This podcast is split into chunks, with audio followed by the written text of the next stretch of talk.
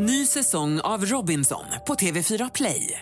Hetta, storm, hunger. Det har hela tiden varit en kamp. Nu är det blod och tårar. Fan händer just nu. Det. är Detta är inte okej. Robinson 2024, nu fucking kör vi! Streama söndag på TV4 Play.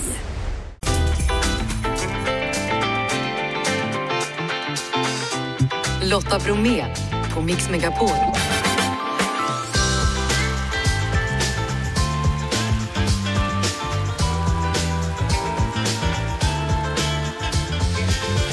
Hallå där och varmt välkomna in till oss denna lillördag i onsdagsmixen. Djur, djur, strålande husdjur. Men vad ska vi tänka på, vi hund och kattägare, när det handlar om jultider? 100% julmusik såklart och vi kan också tävla om ett årsabonnemang på Disney+. En annan julklapp, LOL, med bland andra Hampus Nessvold. Vi tävlar inte men vi berättar om premiären i mellandagarna.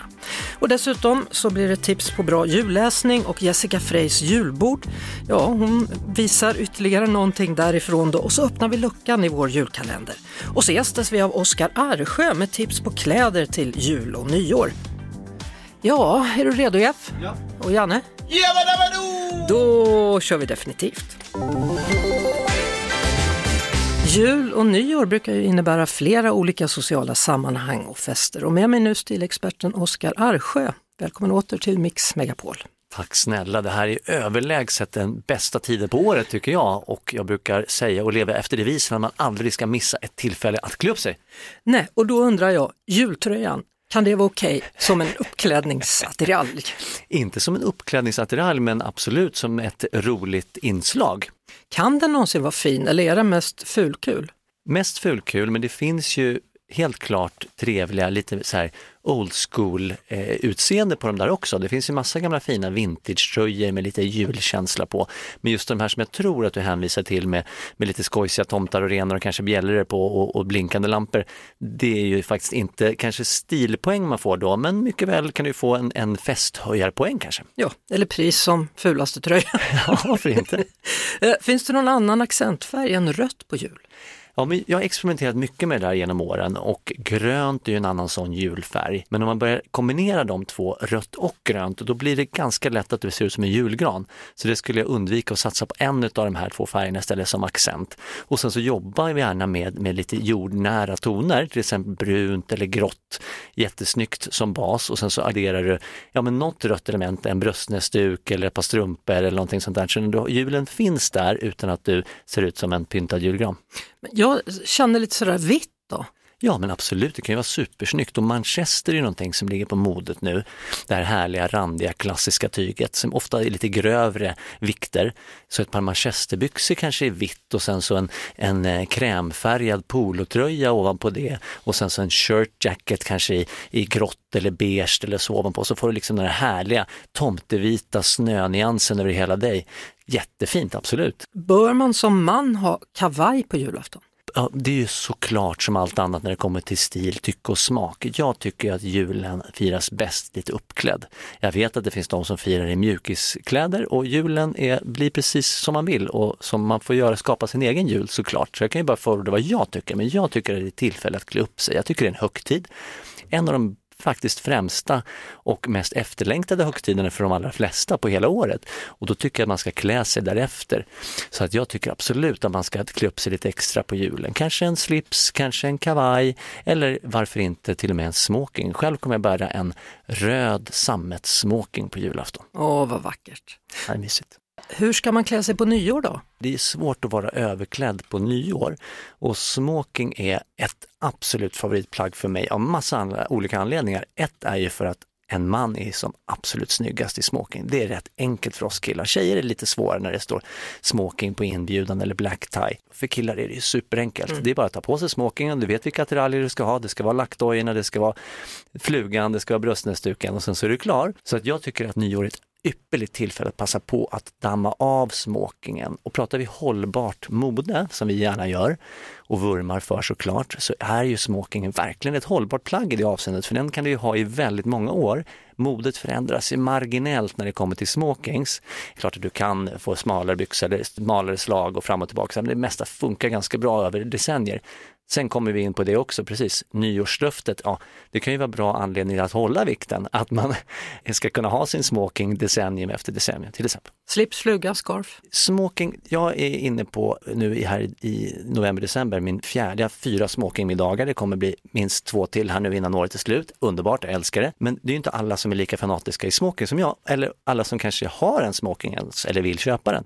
De allra flesta har ju en kostym, då kan man ju använda den, lite beroende på vad man ska fira, men en mörk kostym med skjorta och slips är jättefint. Den som tycker att den är finare i fluga så köp på det, men då skulle jag vilja förorda en handknuten fluga istället för en sån här färdig som man sätter på med lite clips på. Det gör liksom hela touchen på det. Men annars slips ett säkert kort. Och för den som inte har en kostym men ändå vill vara fint klädd, så en skjorta har ju de allra flesta och se till att den är riktigt välstruken då kanske på nyår och ett par byxor som man ser till är nytvättade och pressade eller strukna så att liksom man får den lite krispiga känslan. För att det gör ju en jättestor skillnad om man klär upp sig lite grann. Det sätter ju feststämningen för en själv. Man mm. blir ju på gång och känner nu är det någonting speciellt, för nyår är ju speciellt. Nu startar vi ett nytt år och då tycker jag man kan passa på och klä sig efter. Jag var på en nyårsmiddag för inte så länge sedan nere i Spanien och alla var välklädda utom en kille, han kom i, i huvtröja det var inte att den inte hade några ekonomiska förutsättningar, det vet jag, utan han tyckte att det var snyggt. Sådär. Men det, det blir lite konstigt och krockigt. Jag tycker man ändå kan så här, ja,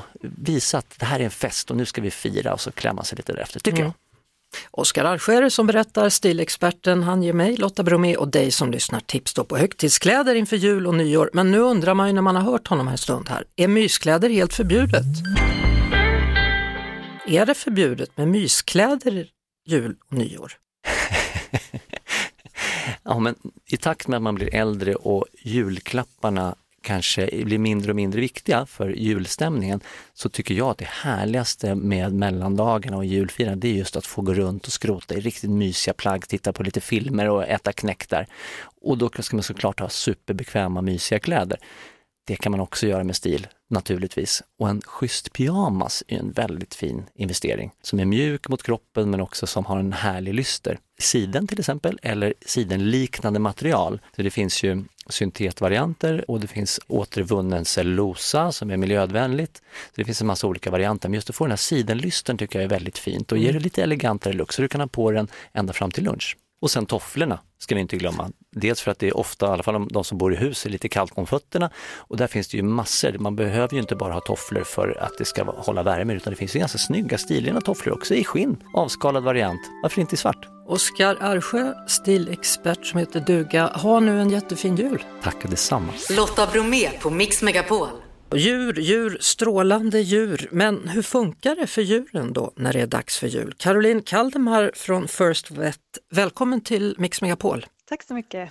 Ja, juletid, Caroline, man tänker kanske inte på att det kan innebära faror för våra husdjur, hundar och katter. Nej, det är ju mycket som händer runt jul, så jag tror att man kanske inte tänker på allt som sker samtidigt. Det är ju så att för katterna då kan det handla om växter, Ja, katter eh, tycker om att äta på växter många gånger och man kanske tänker på det i vanliga fall att man har växter som inte är giftiga hemma och så, men det är lätt att man tar hem julväxter och de äter katten gärna på och det är inte så bra. Och det du tänker på då är julstjärnor eller hyacinter? Precis, det finns en hel lista på växter som, för katter som är giftiga så det kan vara jättebra att kolla upp det om man har katt. Hur är det med granen då? Katterna är ju inte alltid jättesugna på granar, de kan klättra i dem. Det är inte alltid så bra om man har glaskulor och det kan trilla ner saker och gå sönder och det är klart att de kan ju gå på trasiga bitar och skära sig och så. Sen så är det klart att de har ju vattnet som en del av katten vill dricka i och har man haft gödningsmedel i vattnet eller har stått länge så är inte det heller så jättebra för dem. Och hundar är ju nästan värre för de är väldigt sugna på att smaka på det mesta. De äter väl inte växter i alla fall? va? Aldrig ska man inte säga, men eh, inte lika sugna på det oftast. De äter andra saker istället. Choklad till exempel, och det ska de absolut inte äta.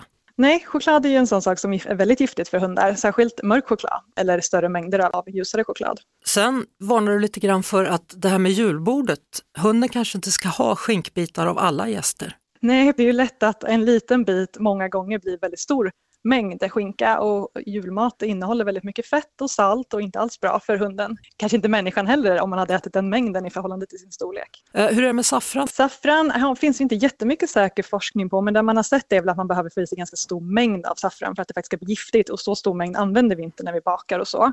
Däremot så kan degen i sig när den jäser bli farlig för det kan bildas att de får som alkoholförgiftning hundarna och också russin eh, har man ju ofta i bullarna och det är däremot väldigt eh, giftigt har det visat sig. Inga russin till hunden Inga russin till hunden. och inte katten heller antar jag, eller? Nej, nej. Mm. Sen finns det en grej som katter är oerhört förtjusta i. Jag har några stycken hemma så att jag vet och det handlar om paketsnören. De har en förtjusning eh, i snören och gummisnoddar och sånt många gånger och leker med dem. Och ofta leker man med dem själv också, uppmuntrar dem att leka med dem. Om nu din katt sväljer en bit snöre, du ser att det sticker ut, hur hårt ska man dra? Inte dra alls. Ibland kan man ju se att de har den i munnen och då kan man ju se om den bara håller på att tugga på den, så då kan man ju se om man kan få ur den i munnen.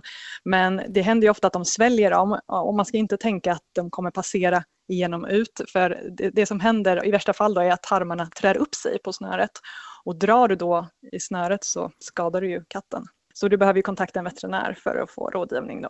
Hur ofta har du varit med om det, att någon katt har svalt ett snöre? Det är inte så ovanligt, tyvärr. Det är ju vanligare runt jul och så, men det är inte alltid heller som man kanske har förstått att det är det katten har haft i sig, utan man märker att katten kanske mår dåligt, kräks eller eh, har svårt att bajsa och så, och sen söker man veterinär och så hittar man den här orsaken. Men det viktiga är alltså, dra inte i något eventuellt Ja. snöre som sticker ut. Dra inte snöret. Är det något mer som vi behöver veta innan vi önskar våra djur också en riktigt god jul? Tänk på att man har mycket mat framme hela tiden under jul och det är lätt att man har, liksom, även fast man vet att choklad är giftigt så har man det ändå framme på bänken när det är jul och så går man över till tv-rummet eller så och lämnar det utan tillsyn och djuren är ju, de passar ju på. Så då tar de det när man inte har koll. Liksom. Så ha koll och plocka bort allting som finns framme. Tack så mycket för att du var med i Mix Megapol, Caroline Kaldemar från First Vet och ha nu en riktigt god jul. Detsamma. Lotta Bromé och den perfekta mixen på Mix Megapol. För en stund sedan så undrar jag om du kunde gissa vilken film eller serie som det här klippet kommer ifrån. Percy Jackson, your father needs your help. The Master Bolt has been stolen. If you don't return the boat, there will be war. That is your quest. I know it sounds daunting, but you won't be alone. A quest is always undertaken by three. Det låter spännande det där. Sara i Valbo utanför Gävle, hur är läget? Jo, men det är bara bra tack. Jag fyller år idag så att jag sitter och käkar födelsedagsmiddag med min man precis. Men vad underbart! Eh, Vad fick Hurra, du? hurra, hurra, hurra! vad, för... fint! vad, vad har du fått för middag? Vad har han lagat? Eh, Jag fick faktiskt välja själv så då åkte jag och köpte så då var det från en kolgrill här i närheten. Jaha, men kolgrill är ju aldrig fel hörru. Nej, jag tyckte det passade. Ja, det gör det verkligen. Alltså vad kul, då är du skytt precis som jag då med andra ord. Ja, stämmer bra. Och vet du vad mer? Det var jättebra att du påminde mig om det, för min syrra fyller faktiskt år idag den 20. Det har jag glömt, jag måste Ja. ringa henne och säga grattis. Tack för att du Ja, påminner det lär du mig. göra. Ja. Eh, Sara, hur bar du dig åt för att klara det här då? Alla andra har ringt in och gissat fel. De hade ju tre alternativ att gissa på, men du valde rätt. Ja, men jag har ju sett reklam för den. Och då är rätt svar alltså Percy Jackson och Olympierna. helt rätt och riktigt. Det betyder att du då vinner ett premium årsabonnemang hos Disney+. Ja, men vad roligt. Tack så jättemycket. Vilken eh, födelsedagspresent, eller? Ja, men eller hur. Det lär ju vara den bästa i alla fall idag. Det tror jag nog. Nej, du är ju med din, med din kille, ni sitter ju och äter. Det är väl Ja, en han är rätt mysigt i alla han fall. också. Han är bra också, vilken tur att det inte bara är liksom Percy Jackson och Olympierna som gäller. Hälsa mannen och ha en fortsatt härlig eh, födelsedag. Ja, men tack så mycket och god jul på er.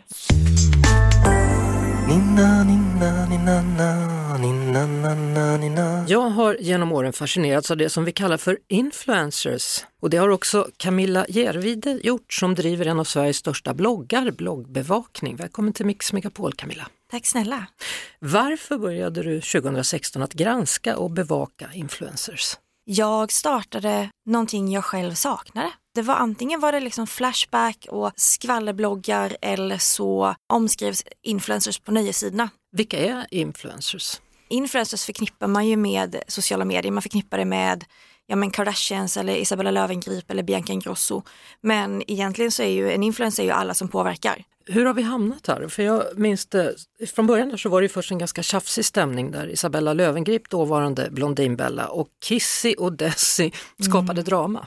På den tiden så fanns ju inte begreppen som så här, brand safety eller personligt varumärke utan det viktigaste var ju att ha mest läsare oavsett om de var där för att du vet käka popcorn och förfasas eller för att de gillade det du gjorde. Så att det var ju väldigt mycket planerade bloggbråk just för att skicka läsarna mellan de olika blogginläggen. Så de hjälptes åt där menar du? Det är väldigt många sådana konflikter så där det har framkommit i efterhand att det var planerat. Det finns, var ju, fanns ju även kärleksrelationer som var överenskomna.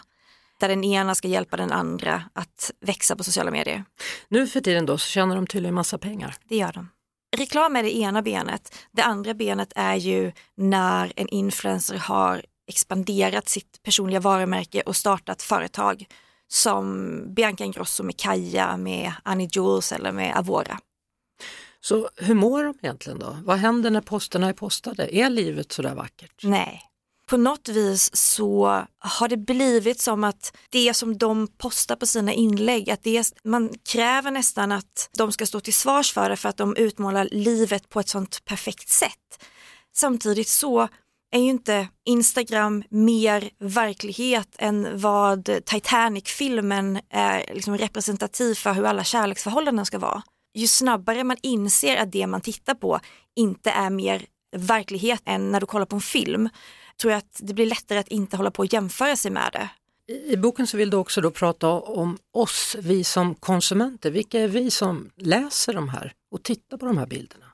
Jag säger att det är få som inte har någon eh, sociala medieplattform, om det är Facebook eller Instagram, Twitter. Och då blir vi automatiskt matade med det som algoritmen tror att vi vill se. Så att du får ju upp dem du följer men du får upp förslag på vad algoritmen tror att du vill ha. Där har ju vi som kollektivt ett ansvar för vad det är vi premierar. För man kan sitta och vara jättearg på de här perfekta bilderna och det är fötter mot turkosa hav och det är snygga kläder och ditten och datten. Men i slutändan så är det ju tillgång och efterfrågan. Om ingen hade velat se det här, då hade vi ju inte sett det. Jag vill inte peka finger, men jag så här, reflektera över varför vi ser det vi ser. Hur har de kunnat bli så här stora då? Vilka är vi som konsumerare?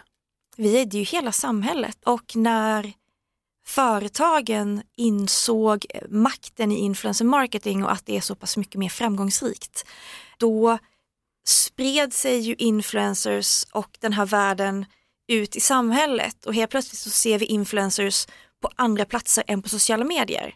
Influencers är ju med i tv, influencers gör ju reklam i traditionell media, man intervjuar partiledare, man är med i Melodifestivalen, eh, man, man är ju överallt där man tror att man kan finansiellt gynnas av att förknippas med influencers. Hela den här berättelsen då har du beskrivit då i boken De kallar oss influencers. Varför ville du släppa det som bok? Just för att jag tror att branschen står inför lite av ett paradigmskifte. Hela branschen var som ett laglöst land när jag klev in och började titta på detta. Och nu så börjar lagstiftning komma ikapp, media börjar komma ikapp, alla börjar komma ikapp och då tror jag att vi måste nästan gemensamt bestämma oss för, okej okay, men vi har haft det här och det gillar inte vi. Det finns saker i det som är jättebra men det är saker som vi vill lämna i det förflutna. Men för att kunna gå vidare så måste man ju lite göra upp med det och därför har jag velat skriva den här boken som berättar hur det startade, vilka händelser som har lett fram till där vi är idag, men också då titta på publiken, titta på oss som konsumenter och vad vi kanske behöver göra för att göra sociala medier med till det vi vill. Stort tack för att du kom hit till Mix Megapol, Camilla Bloggbevakning. Järvinde. Tack snälla. Och boken heter alltså De kallar oss influencers. Lotta Bromé på Mix Megapol. ABBA med Happy New Year. Du lyssnar på Mix Megapol. Här kör vi 100% julmusik, också en och annan nyårslåt. Och det passar ju jättebra för att Oskar Arsjö var ju här i vår förra timma och pratade om jul och nyårsklädsel. Men frågan är vilken färg ska man ha då? Till exempel på nyår. På nyår så tycker jag att svart är en väldigt bra färg. Oavsett om man har smoking eller kostym eller bara en skjorta och byxor. Svart och vitt är väldigt säkra kort på nyår. Hur har vi det med grå och midnattsblå då? Eller lägga till en detalj med silver eller guld? Men ja men precis, smoking är ju, man kan ju gå enligt skolboken då med lackskor och fluga som vi pratade om och sen kan man ju ta tillfället i akt och lägga sin personliga touch på det. En sån sak är ju till exempel att kanske helt strunta i fluga. Kör lite uppknäppt, lite Tom Ford-look, kanske två knappar, tre knappar om man nu ska vara extra läcker på nyår och tycker att man ja. passar i det. Och sen ett par andra dojor, kanske ett par skor med lite klack, kanske ett par boots som är lite coola på killar. Och sen andra färger. Midnattsblått, absolut, det är ju väldigt vedertaget. Men nu finns det ju en massa andra fina färger också, såsom vinrött, orange och så vidare. Det har talats om kronprinsessan Victorias mörklila klänning här på Nobelfesten. Mm, är fint. det årets färg det, mörklila? Ja men det är väl en av dem som känns fantastiskt. Mörklila smokingkavaj i sammet med ett par svarta smokingbyxor. Åh, mm. Kanske blir ditt nya? Det är inte omöjligt, nu frestar det mig. ja. Från oss alla till er alla.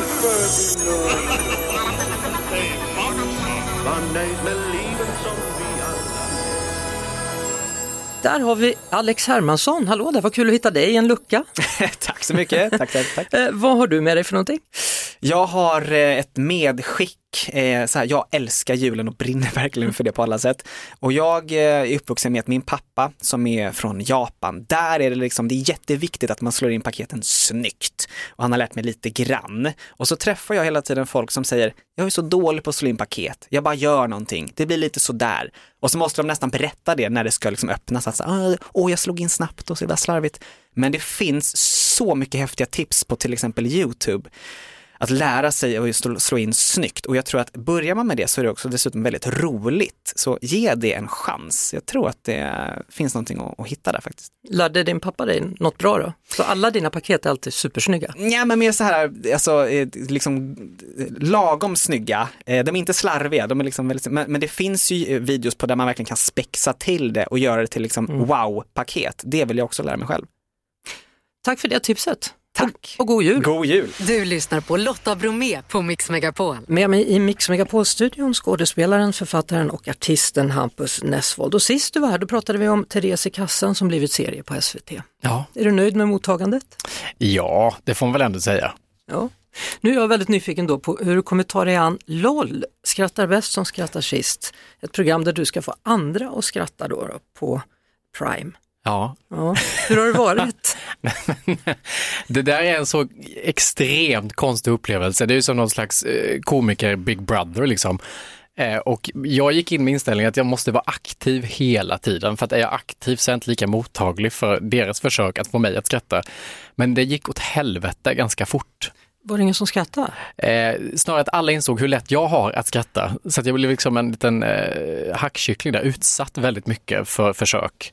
Och eh, ja, jag får inte avslöja hur någonting går, men, men jag hade väldigt svårt. Jag balanserade väldigt mycket på linan. Använder du någon av dina karaktärer? Nej, men jag lyckades inte riktigt komma dit. jag hade fullt upp med liksom försvara mig och hålla mig för skratt. Ja. Det är ju väldigt roliga människor med. Så att man fattar ju när man liksom kom in där, jag hade ingen aning vilka som skulle vara med och så ser man alla de här bara, åh oh, gud, där är den, där är den, där är den, vad ska ja, jag titta? Du får inte avslöja då, men vem var det av Henrik Dorsin, Petra Mede, David Batra, Keyyo, Maria Lundqvist, Anis Don Demina, Pia Johansson och Per Fritzell som var svårast att få att dra på smidbanden? Det får jag nog inte säga. Nej, inte det heller. Nej, det är ju väldigt eh, kryptiskt allting. Ja. Men alla är väldigt, väldigt roliga och använder medel som jag tror inte att någon innan man gick in i huset visste att de skulle använda för att få någon att skratta. Vem var roligast? Jag tror att Johan Ulveson och Maria Lundqvist var mina små kryptoniter som var, oh, titta inte dit, titta inte dit. Det är så man gör, man bara blundar och låtsas att man inte hör. Ja men det fick man inte heller, då var det också varning. Så det var liksom helt omöjligt att befinna sig i det här rummet.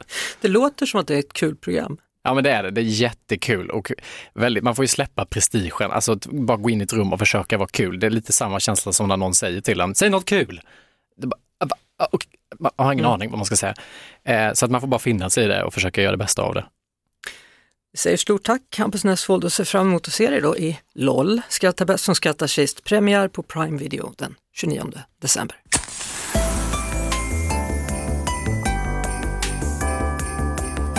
Jessica Frey är tillbaka, det är nämligen dags för hennes eh, julbord och nu kommer en av mina favoriter, din kolasås. Ja, du smsade ju mig här en lördagkväll, hur gör man såsen? Mm, så därför tänker jag att vi får dela med oss av den till alla. Och det är en saffranskolasås och det här skulle ni ju kunna ha som efterrätt på julafton. Och då gör ni så att ni tar 3 deciliter vispgrädde, en liten påse saffran, 50 gram smör, en och en halv deciliter socker, en halv deciliter ljussirap och en tesked flingsalt.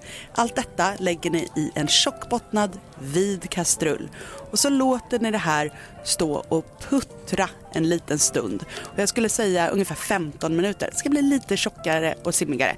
Och sen så låter ni den svalna och serverar den här till vaniljglass, kanske toppa med lite hallon eller lingon eller vad man råkar ha i frysen hemma.